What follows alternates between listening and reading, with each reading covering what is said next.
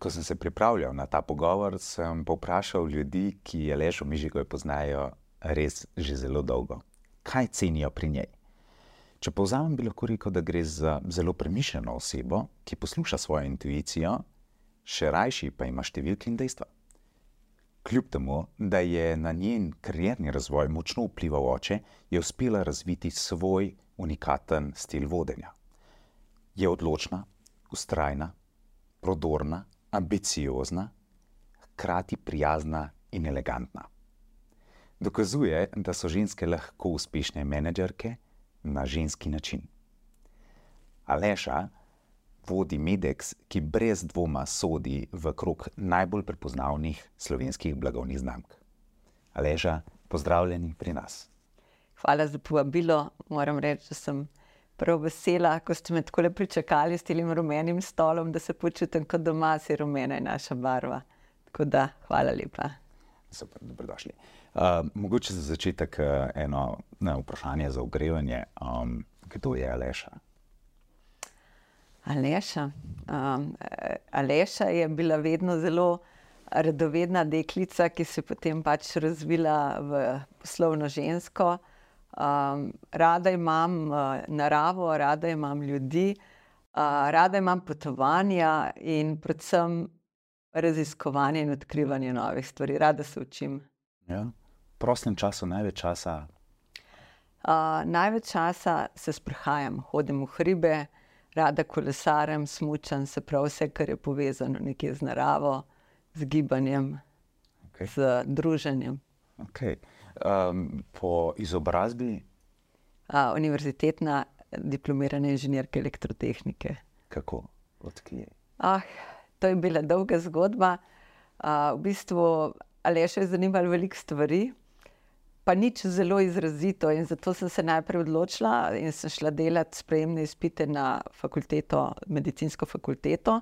Uh, dejansko tudi upravlja sprejemne izpite, pa sem se potem premislila, uh, ker člo, kot oseba, kot sem, mislim, da bi enostavno, če bi študirala medicino, sploh ne vem, če bi lahko kaj spala, ker bi se mi ljudje zelo smilili, ker bi se mi te zgodbe se mi zelo dotaknile.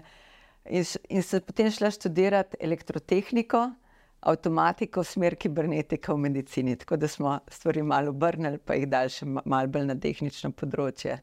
Okay. Kaj, je, kaj je to pustil v Aleži? A ta študij pomembno za zanimivo? Izje, izjemno pomembno. Um, Um, prvič je bilo to okolje, ne, ki je bilo res izrazito moško. Uh, tako da uh, se nekako potem, mogoče kot poslovni svet, no, uh, če si imel znanje, uh, če, si, uh, če so te videli ne, kot nekoga, ki razmišlja, ne si bil popolnoma enakopraven, vedno in so te vedno spoštovali. Druga stvar pa, kot študij sam uh, mi je dal um, res to neko širino logičnega razmišljanja, ker uh, v elektrotehniki se vse dogaja s povezanimi znam, z, uh, zankami. Vedno imaš neke vprašanja, nekatere so vedno odgovori, da in ne, in potem greš lahko po tej poti ali po drugi poti. Skratka, nekako tako kot življenje, vse ti vedno tudi nazaj pride, in vse stvari so med sabo povezane. Medex je eno najbolj tradicionalnih družinskih podjetij, najbolj znanih družinskih podjetij z veliko tradicijo. Se pravi, 15. februarja bo že 70 let, 70 let, kar Medex obstaja. Ja, in vaša družina je že dolgo povezana z, z, z um, podjetjem, ne? Um, praktično od otroštva. Ja, moj oče je prišel v, v bistvu v Medex, predno sem se jaz rodila, ne, leta 1961 in je potem vodil Medex preko 40 let. Uh, dejansko zaposlen pa samo v Medexu je bil pa preko 50 let. Ne. Tako da jaz sem kot mehna punčka uh, hodila z njim. Uh, tudi v sobotah, da je v tovarno, ko so delali po raznih sprejemih. In še spomnim se, vrtarice, ki je zdaj že dolgo časa v pokoju, ki je enkrat rekla: Nikoli si ne bi mislila, da bo ta majhna punčka enkrat moja direktorica. Mhm. Ker pri nas je veliko ljudi, ki so zaposleni desetletja, ravno zdaj odhajata v, v pokoj, dva, ki imata 40 let delovne dobe v Medeksu. Ja. In kakšni so spomini iz te, se pravi, te, tega otroštva? Zadnjič so se pogovarjali, ker so se pripravljali na ta podcast. Ste šli kamorkoli, ste šli z družino, ste mogli še čobelarje obiskati? Ja, ja, vedno so bile poti, nikoli niso bile poti kratke, pa ravne. Ne. Vedno, vse nedelje ne, v Sloveniji, vemo, da je veliko čebelarjev vedno smo šli na poti domov uh, ali pa do cilja, obiskati vsaj enega ali dva čebelarja na pogovor z njimi o tem, kako medi, kako so čebele. Mhm. Tako da v bistvu nekak tak uh, ljudski način življenja, ker moj oče je bil zelo, um, bom rekla, tak svetovljanski, hkrati imel zelo rad ljudi. Uh, rodil se je namreč v družini s 14 otroki, se je potem meni uh mhm. -huh. že zelo zgodaj, tako prav v kri lezel. Prišli so potem časi, ko se je pravzaprav cela slovenska družba precej spremenila, predvsem se je uh, nekako um, okrog samosvojitve in tako. Um, se mi zdi v tem kontekstu, ne, da je Medex obstaja 70, mm. kar je res fascinantno. Ne. Malo je podjetij, sploh, ki imajo tem prostoru tako tradicijo. Ne. In v tistem času je ogromno podjetij propadlo. Ja. Uh, čemu pripisujete to, da je pa Medexu uspel pravzaprav več čas rasti? Ja, Medex je v bistvu imel, uh, ne vem, kako se še spomnite, vidi splajver, sploh ne, uh, mogoče kakšni poslušalci pa. Uh, ta čas uh, denacionalizacije, ne, so, se so se imela uh, podjetja možnost lastniniti in da so zaposleni njihovi uh, družinski člani lahko odkupili 60 odstotkov uh, podjetja, potem 20 odstotkov so imeli te družbe, ki so kupovali certifikate, 10 odstotkov je dobila slovenska odskudninska družba za izplačilo uh, teh nacionalizacijskih upravičencev in 10 odstotkov kapitalska družba. Ne. In uh, bistvo je bilo, da teh 60 odstotkov ne, lahko, so, se je lahko podjetje lastnilo samo na način, če je v lastninjenju sodelovalo vsaj ena tretjina zaposlenih, kar je bilo zelo pomembno. Ne, in Medek se dejansko takrat v tem času odkupil vse te uh, delnice, uspel v dveh ali treh lastninjenih. Se pravi, da je bilo lastnikov nekaj sto Medeksa. In potem so te lastniki počasi, recimo, naši družini prodajali delnice, in meni se to, in to se je sigurno dogajalo, vem, mislim, da 15 let vsaj. Um, in to se mi je zdelo zelo pomembno, da se je to delalo na transparenten in korekten način, kajti to so bili zaposleni v podjetju, njihovi družinski člani, ki so še zmeraj zaposleni, in pomembno je bilo res, da smo odhranili te um, dobre odnose. In torej, predvsem torej. njihovo zaupanje v družino, da bo vodila podjetje v pravo pot. Torej, to, to je ključno, to zaupanje. Uh, ki ga, ki ste, za katerega ste skozi gradili, um, je bilo ključno za, za to, da je Medex lahko um, prešel te, te strukture. Ja, zaupanje se mi zdi še zdaj, sploh v, v teh spremenljivih časih, da je tisto, kar je najpomembnejše, pa velikrat najbolj primankuje ljudem. Okay. Uh, lepa, lepa lekcija. Uh, super, kaj pa danes? Ne? Danes je Medex uh, v čist drugačnem okolju funkcionira. Um, Kaj bi tako malo primerjala? Zdaj, ne vem, zadnjih deset let, recimo, če rečemo, kaj se je največ spremenilo, se, kako danes gledate na, na samo vodenje Medeksa? Dejansko stvari se, bom rekla, včasih, ko sem prevzela medek, to je že več kot 20 let nazaj, ne, so ljudje bili predvsem zato v službi, da so delali. Takrat je bilo tako, vi ste tukaj, da delate, ne da razmišljate. Ne, in zdaj v bistvu si pa vsi želimo, da vsi zaposleni čim več razmišljajo, sprejemajo odločitve, ne, da so odgovorni za stvari, ki jih delajo, predvsem pa, da se počutijo vključene to je res, zdaj tisto, bom rekla, zaposleni so naše največje bogatstvo, stroje, stene, se vedno da kupiti. Um, ljudi, njihove pripadnosti, pa tega, da so pripravljeni iti še korak dlje, uh, tega pa ne. Uh, veliko smo se pogovarjali o teh. Uh, pravzaprav šele zdaj probamo dojeti, kaj je spremenil uh, COVID, kaj so te. Ne? Šele se mi zdi, da prihajajo neke recenzije, lahko, ne? kaj je v resnici ta kriza povzročila v družbi in ljudeh. Kako bi lahko kot, kot, kot liderka opisali, kako vi vidite, kaj, kaj je zdaj drugače. Predvsem v ljudeh so ja. se stvari spremenile. Um, ja, bom rekla, COVID, ne posledice. Takrat smo se najbolj bali, kaj bo z gospodarstvom, ne pa so bile te pomoči v gospodarstvu. Mm. Uh, vem, leto, dve. Uh, v bistvu je pa posledice, ki jih je pustil na ljudeh, ne, na razmišljanju, na občutenju. Uh, so veliko bolj dramatične. Vidimo, takrat smo potem zelo dosegali gospodarsko rast, v dveh letih smo bili že na višjih številkah, kot smo bili leta 2019 pa sem, ne samo COVID, potem tudi kriza v Ukrajini, zdaj na, v Izraelu, vse ta nemir, ki je v svetu, ne, um, povzroča eno veliko nestabilnost, ne samo zunaj, ne, uh, in možnost neke, bom rekla, ne moreš več se odločiti za dolgo časa vnaprej, ne se stvari zelo hitro spreminjajo. Um, in ljudem to prinaša ogromno nemira, in se mi zdi toliko, kot so ljudje nekako prestrašeni, da je te, premalo tega zaupanja, nekega veselja, kljub temu, da je recimo še zmeraj mnogo več um, materialnih dobrin, je tisti problem. Veselja manjka. Veselja manjka, ja. Veselja manjka, sproščenost, ja. veselja in teh stvari. Ja. Strinjam, res je. Ja. ja. Premalo časa si vzamemo, verjetno. V času COVID-a so ukinili vse prireditve, vsa druženja. Ne, in, so, in je decembr postal no, normalen delovni mesec, ali pa še bolj delovni mesec. Se mi zdi, da toliko kot zdaj delamo, decembra, ne, tudi darila in to večinoma pridejo vse po pošti, vse stvari so postale res veliko manj osebne, kot so včasih bile. Bomo bomo se mogli obrniti nazaj, koreniren. Ja, ja. Stres je, je, je ena stvar. Kako, kako vi upravljate s stresom? Ja, to me veliko vprašajo. Meni najbolj pomaga recimo, um, šport oziroma en sprehod na svežem zraku. Ne. Narava ti vedno da, ker znotraj, ki si, se zmeraj na tebe nabere statična elektrika, se v bistvu na elektriši. In, uh, ko greš v naravo, ko dihaš, ko se preputiš, ko ti srce bije, ne gre pa lepo vse iz tebe.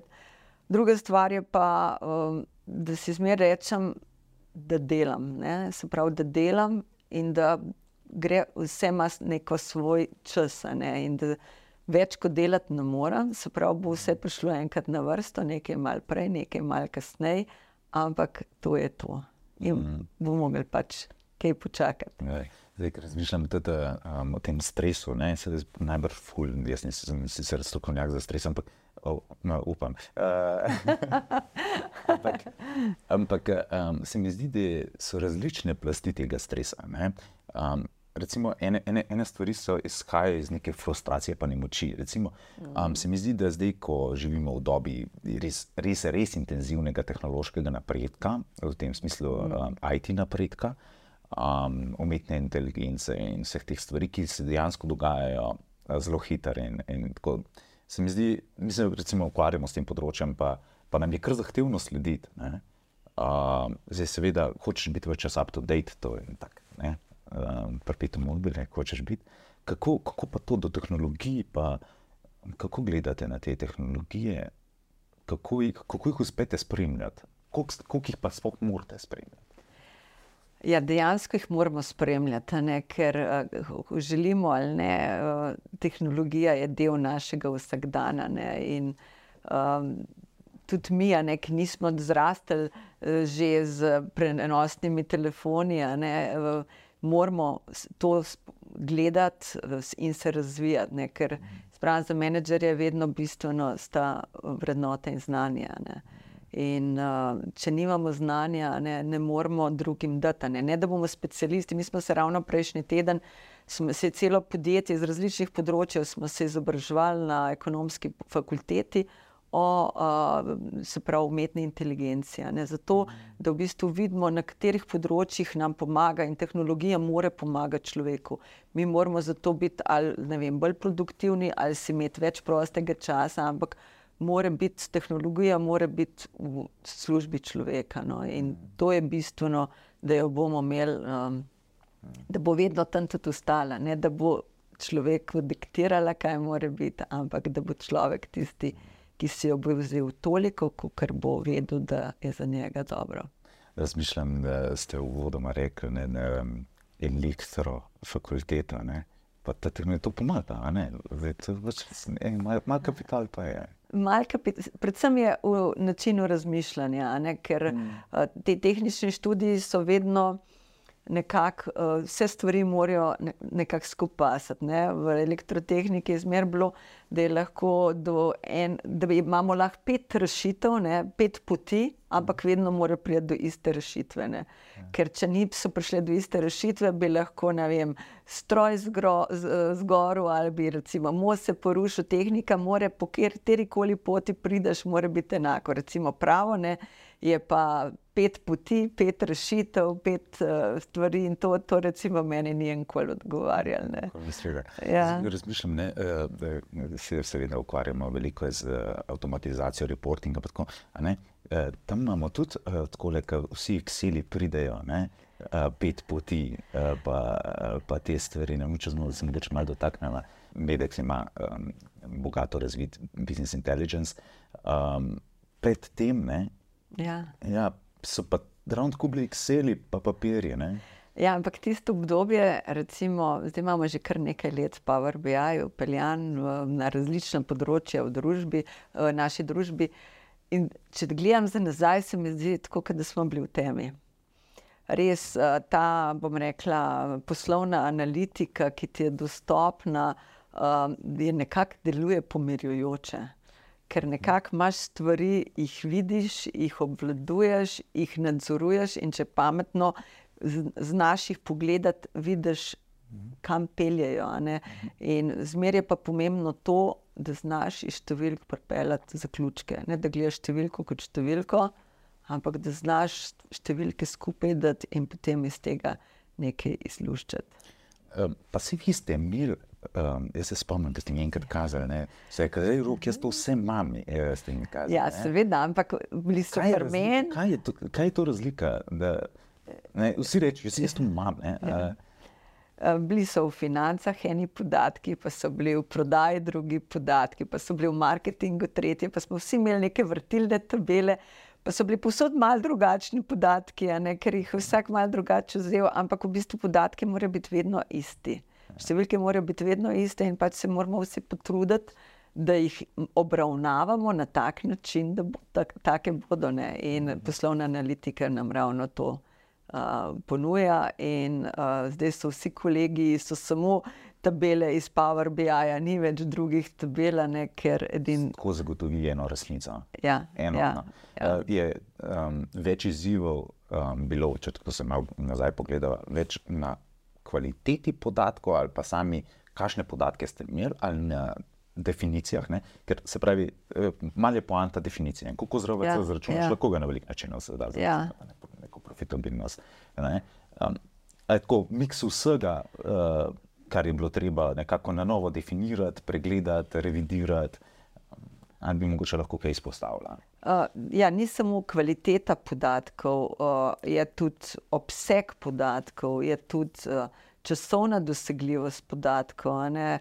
Ker včasih pa je lahko nekdo zbolel ali pa ni imel časa, pa ni tega prepravil, ni unga prepravil, je pozabil mogoče.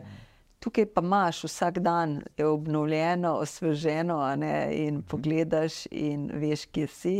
In potem znaš tudi postaviti kakšno vprašanje, zakaj je to, to zakaj je to drugače. Ne? In uh, tudi vidiš, kako ljudje kaj razmišljajo. Mhm. Je, um, ok, Power BI nam omogoča pač nek level um, vizualizacije mhm. interaktivnost, um, nek sedi to nam omogočajo, vrtanje v globino. Um, koliko je to v resnici pomembna stvar? Ja, za mene je zelo pomembna stvar, ne, ker se, prvič greš, vid, pomembno, da vidiš širšo sliko. Mhm. Potem pa, ko vidiš, da so ti kakšni vzorci ali pa kakšne stvari, mogoče da so ti mal sumljive, greš pa vrtati dol, da vidiš, odkje stvari izvirajo, kako je z njimi. Ne, in, je to, in je potem to veliko lažje ne, mhm. za stvari se odločati za mogoče kakšne stvari popraviti. se kakšne stvari razviti naprej. Tako da, ja, Power BI, um, lani smo imeli um, veliko spremembo, ne, ker smo um, družbo, um, bom rekla, razbili, v, prestrukturirali v holdinško organizacijo in v tistem trenutku. Ko se je to zgodilo, ne, in sodišče ti da sklep, in naslednji dan ne obstaja še več kot družba, in so obstajale tri družbe z, no, z drugimi uh, davčnimi številkami, ko so se zgubili čez noč vsi podatki, in ko smo, mislim, da smo čez deset mesecev tavali brez primerjavne uh, z, z obstoječim stanjem. In to je bilo meni eno najtežjih obdobij, ker ni, ne moreš primerjati stvari med seboj. No. Tako, ja, tako da res ta primerjava in sledljivost ne, in trend, ki jo imamo za tu deset let. Ne, ki je takoj, ne, zelo dobro vizualiziran. Uh, um, ljudje smo bitja, ki, ki rabimo enostavne, en, enostavne preglede, ne, da, da ne kopljemo toliko in uh, Power BI je to mogoče. Vaši kolegi me pogosto tudi vprašajo, ne, rok, vsega se nada naenkrat. Ne. Kako postaviti prioritete, kaj najprej? Um, Medex ima veliko področji, praktično vsa področja že pokrita z eh, BI-jem, ampak kako postavljati prioritete? Ja, jaz mislim, da prioritete je najbolj postaviti tako, glede na pomembnost. Siguren ti je pomemben izhod, to je te prodaja, pomemben pa vhod, ti, kaj ti dela stroške. Uh, tako da mi smo res. Uh, Najprej smo uredili prodajo, ravno zato, ker je bilo toliko raznih tabel, toliko vsega. Uh, potem tudi marketing, ne, da imamo jasno stroške marketinga, ki so jasno veliki, ne, pod nadzorom finance, um, kjer vidimo IP, IPS podatke, ki pogledamo čez več let, uh, kjer vidimo konsolidacijo. Potem smo šli pa tudi v, seveda, v zaloge, spremljanje zalog, ker se zelo hitro vidi, kaj je v rdečem, oranžnem in zelenem, in na čem je treba delati. Sedaj, letos se bomo pa posvetili predvsem proizvodni optimizaciji proizvodne, uh, tako da bomo imeli dejansko že imamo uh, del, uh, računamo pa uh, z upeljavo uh, novih merilnikov proizvodne, ker, ker ne zmeraš in tako ne moreš analizirati. Ne? Se pravi, moramo določene procese še v proizvodno dati merilce in potem predvsem energetsko optimizacijo in potem tudi druge delamo. Le še zdaj so se veliko pogovarjali o poročanju, zdaj šla pa na eno zelo podobno besedo, ki se reče odločanje. Um, odločanje danes je bistveno, bistveno drugače. Če se mogoče navežem malo naprej, so se pogovarjali, kaj je danes nasploh drugače. Vse, vse hitreje, vse je bolj nepredvidljivo. Kako pravzaprav potem sploh lahko poteka odločanje? Oziroma, če lahko malo o tem. Ja, bom rekla, časi so se zelo spremenili. V tistih časih, ko je recimo še moj oče vodil Medex, uh, je bilo tako zelo avtoritativno vodenje. Ne? So se večinoma odločitve dogajale na vrhu. Uh, S časom, ne, posebej pa v današnjih časih, pa želimo, da se to odločanje čim bolj prestavi, ne, da gre zmeraj bolj po strukturi navzdol, kajti uh, odločiti se treba vsak dan. Ne? In jaz pravim, ena glavnih nalog menedžerja je, da se odloči. Ne? Pa tudi, če se slabo, ne, se, se ne moreš vedno dobro odločiti, sam treba iti naprej, ker drugače samo stvari uh, kopičijo. In um, poslovna analitika ti da dosta več možnosti, da se lahko, da ne uporabljaš čas za pripravo podatkov, mhm. ampak predvsem za analizo, ki ti potem služi za odločanje. Mogoče so kakšne stvari tako velike, da se ne moreš sam odločiti, pa recimo se potem skupaj odločimo, ampak ravno odločanje, bom rekla, da je nasplošno um, problem v Sloveniji. Ne? Slovenci se ne marajo. Jaz mislim, da je to mogoče tudi iz naše kulture, iz preteklosti izvira. Drugače pa odločanje pomeni nekakšno sprejemanje odgovornosti. Ne? Ljudje žal ne marajo sprejemati odgovornosti. Ker ne, ne želijo delati napak, ker ne želijo ja. napačne odločitve sprejeti. Ja. Ampak, gledite, eh, napake so vir učenja. Jaz pravim, vse brez eh, nobeno učenje, nikoli tudi shoditi nismo znali, da nismo ne vem, kolikrat padali, pa še govoriti, pa smo vse narobe naredili. Ampak napake so del življenja. Ne? In tako jih moramo tudi imeti. So pa napake, ki so normalne, druge so napake iz površnosti ali pa napake iz malomarnosti. To so, okay, to popolnoma, to so popolnoma druge stvari. Mm. Ampak napake, ki pa so, pa ne bomo se jim mogli nikoli izogniti. Mm -hmm. Jaz, eh, kar se pogovarjam, ne, mm, vidim, ne, da za, za odločitev je lažje sprejeti, če je argumentirana. Ne. Se pravi, tudi če sem se na robe odločil. Ja. Rečem, lej, zaradi tega, ker smo takrat pa takrat imeli take argumente, ja. smo se tako odločili, da se lahko odločimo drugače. Mm -hmm. um, se mi zdi, da ko delamo te transformacije podjetij v Data Driven, je pravzaprav raven ta psihološki moment ključen. Se pravi, da se lahko zaneseš na neko konkretno cifro in potem lažje sprejemaš odločitev. Ne? Ker, seveda, eh, leša, vi ste na vrhu uh, uh, pač odločitvene scheme, ne? ampak na nižjih nivojih, kar ste govorili, da pa se morajo ja. sprejemati ja. odločitve, um, je pa težje, ne? ker je vendarle treba to poročati svojo napačno mm -hmm. odločitev. Tako da ta psihološko breme, um, kako, kako vi pravzaprav s tem upravljate? Tako, Mislim, da ti dobri podatki, um, ali pa to, da predvsem spremljaš podatke, ne, analiziraš stvari, zagotovo tudi osebnost lahko pomenijo mnogo večje olajšanje, mm. ker si sprejel odločitev na podlagi nekih. Indikacij, nek podlage nekih številk, ne, in nisi samo sprejel odločitve, uh, mogoče ad hoc, kar je večinoma za ljudi uh, potem težava. Ampak večkrat še zmeraj vidim, ne, da ljudem uh, imamo v glavi neke vzorce, neke vedenja, nekih preteklosti. In čas danes je pa res tako nepredvidljiv, da moramo gledati, kako se spremenjajo trendi. In res trendi se spremenjajo, bom rekla, ne mesečno, včasih že tedensko. In ljudje morajo biti tisti agilni in ja. biti pripravljeni na to. In to je težko, ne, ker pač ljudje nismo narejeni uh, na tak način. Ne? In ljudi spodbuditi, da spremljajo trende, reagirajo na njih, to je, bom rekla, tisti pomemben del naših, še, našega vodenja. Še vedno delate pet, pa desetletne plane. ja, kje pa. Uh, v bistvu težko planiramo, upamo, kako bo naslednje leto, ne, če ne bo spet prineslo kakšnih uh, presenečenj. Ampak, kaj si predstavljate, da so včasih imeli srednjeročno planiranje za pet let, pa dolgoročno za deset let. Pa da če nisi tega imel, skoraj si bil malomaren menedžer.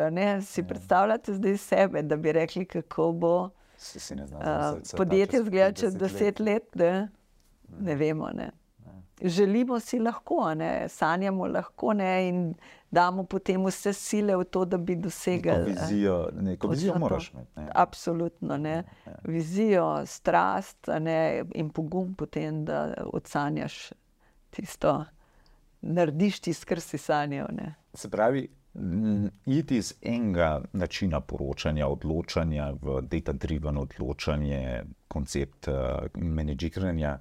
Um, kaj pravzaprav se pravi, ima tehnični aspekt, ima, ima zelo močen, močen kako bi temu rekli, uh, človeški aspekt, um, change management. Mm -hmm. Kaj je pravzaprav največji izziv pri, pri eni taki implementaciji?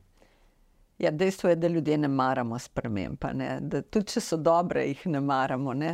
In uh, ljudje prvič rabijo videti, da ta sprememba je, da je koristna za njih, ne? da je bo nudila neko uporabno vrednost, in večkrat to ne vidiš tega takoj. Uh, pomembno pa je, da res uh, ta change management uh, vodi vodstvo in da potem to tudi uporablja, ker potem z vlastnim zgledom in ko ljudje vidijo, da je res ena številka ne, in da vsi zasledujemo isto številko, potem pridejo k temu in potem.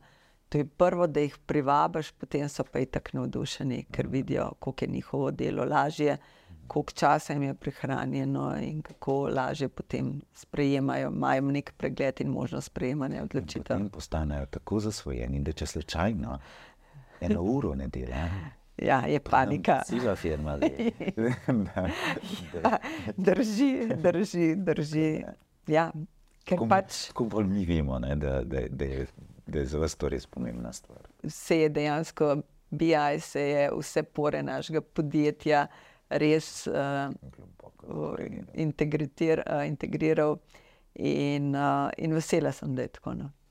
Uh, se pravi, če, če, če rečemo, da ni več dolgoročnih planiranj, uh, so seveda vizije, pa, pa, pa, pa v pogledi, pa želje v prihodnost, ampak vendarle ne, je pa treba biti zelo, zelo pripravljen. Kako mora pravzaprav analitika slediti, ali pa kakšna mora biti za to, da podpre to vrstno odločanje? Um, kaj pričakujete od, od tega reporting sistema? Ja, ker zdaj ta reporting sistem, ki je, je predvsem pogled v preteklost. Ne? Nekaj, kar si je že bilo, nekaj, kar se je že zgodilo, nekaj, kar smo zdaj samo zapisali, dali grafike in gledamo. Ne? V vseh teh dinamičnih časih, nepredvidljivih časih, si pa kot recimo vodje želimo nek pregled, pogled, planiranje vnaprej. In da bo analitika nam prinesla ta urodje, da si bomo lahko rekli, če bo ta pot ne ena, se bo lahko tako šlo, če bo po dva. Tako se pravi, da bi analitika nam dala predvsem možnost pogleda vnaprej. Um, kaj pričakujete od podjetij, sodobnih IT podjetij, pa tudi drugih partnerjev, ki, ki sodelujejo z vami? Kaj, kaj je tisto, kar, um, ko izberete partnerja ali ga ne izberete, kaj zahtevate od njih, od nas?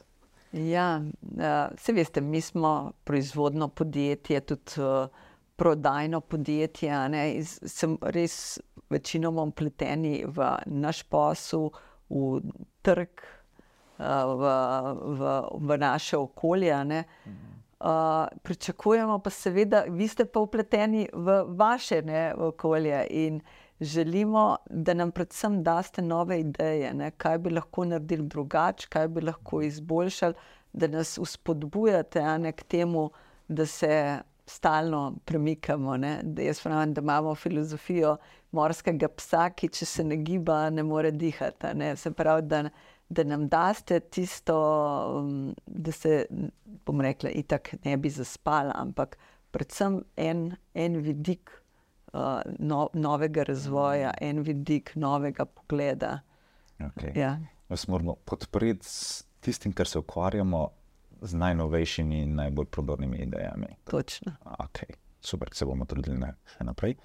Um, in, in, in še eno vprašanje, ki ga zelo pogosto dobim, um, pa ga tudi sam pravzaprav res ne znam odgovoriti. Ne? Ker um, return on investment IT projektov, pa da se mogoče fokusirati na BI projekte. Ne?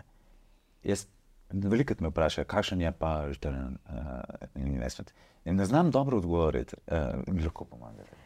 Mislim, da vas bom tukaj razočarala. Tudi jaz ne znam dobro odgovoriti, ker težko tudi rečem, koliko je vreden moj notranji mir ali pa. Zjutraj, ko odprem računalnik, pa pogledam ta prvo, ker se je ponovno osvežil podatke, kako ti podatki stojijo. Ne?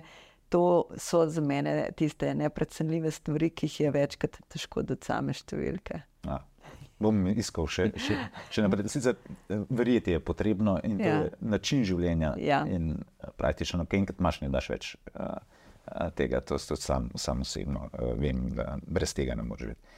Uh, tako da, okay, um, hvala lepa. Um, mogoče še za, za zaključek uh, tega najnega pogovora, um, zelo zanimivega pogovora.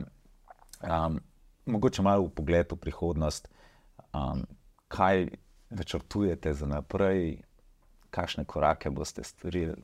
Ja, um, mi veste, da smo, bom rekla, povezani s čebelami. Um, čebele nas res še vedno navdihujejo. Um, to je toliko neraziskanih uh, stvari v čebeljem panju čebelja družina je tudi najboljše uporabljena energija in snov. Vse, kar so čebele naredili, je v bistvu fenomenalno. Ne? Šestkotnik je najboljša uporaba, izraba materijala, da v njega lahko največ uskladiščiš. Eh, čebele še zdaj ne vedo, kako letijo, ker imajo premehna krila. Uh, njihov način komunikacije uporabljajo v radarskih napravah. Vse, vse je to nevrjetno, ker recimo čebela zna z tem, kako hodi po satu, ki se vrne iz paše, ki je recimo dva km daleč, povedati ostalim čebelam, kje je cvet, ki ima med. Ne, z, o, ki, ko piše kot pod katerim je sonce nagljeno, ki opiše, kakšne deline so. Se pravi, ukvarjamo se, to je bolj tehnično, drugače pa njihovi predelki so. Nas še vedno fascinirajo, in smo res usmerjeni v klinične raziskave, in naslednje leto pričakujemo res um, tudi eno novost na tem področju. Uh, in tukaj želimo biti dejansko svetovni, uh, svetovni lideri in verjamemo, no, verjamemo v to, kar delamo, in, um, in zato vem, da nam bo uspel. Super. Leša mi že, najlepša hvala za ta zanimiv pogovor. Um, upam, da je bil uh, zanimiv tudi ostalim, prepričan sem, da je tako. In se vidimo tudi ob kišnem naslednjem gostu. Svidenje. Hvala lepa.